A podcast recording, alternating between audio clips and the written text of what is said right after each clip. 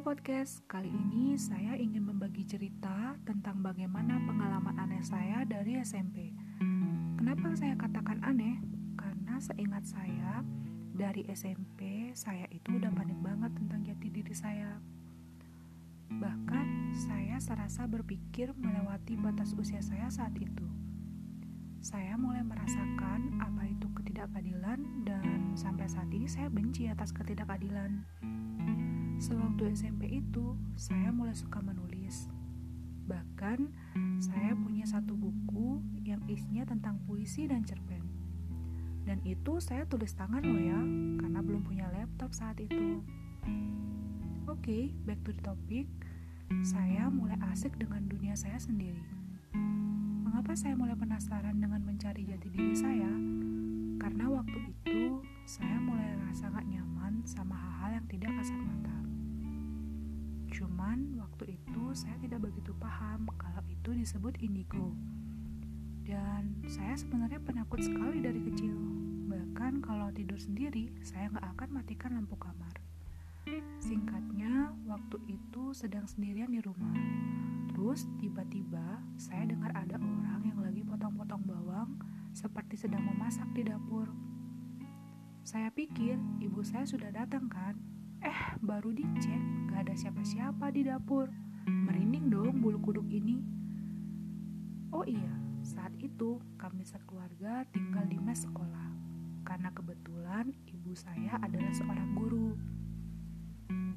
Dari kejadian itulah, saya mulai merasa lebih penakut. Saya mulai merasakan hal-hal aneh. Bahkan, saya lebih suka ngurung diri di kamar. Saya jadi gampang marah Mungkin karena masih SMP, jadi ego saya itu masih tinggi.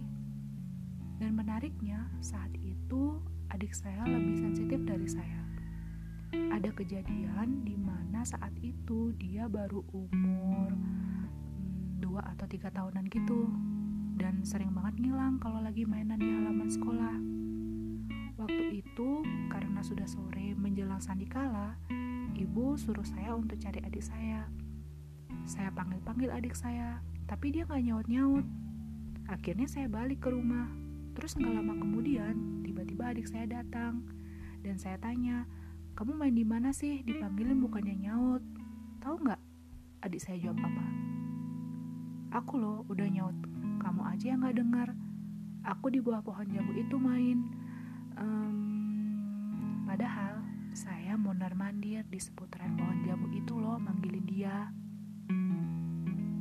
Makin menjadilah rasa penasaran saya, tapi masih takut banget dan berusaha cuek tentunya.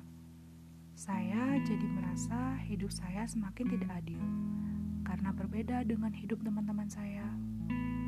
Saya mulai gencar dan semakin penasaran dengan jati diri saya ini.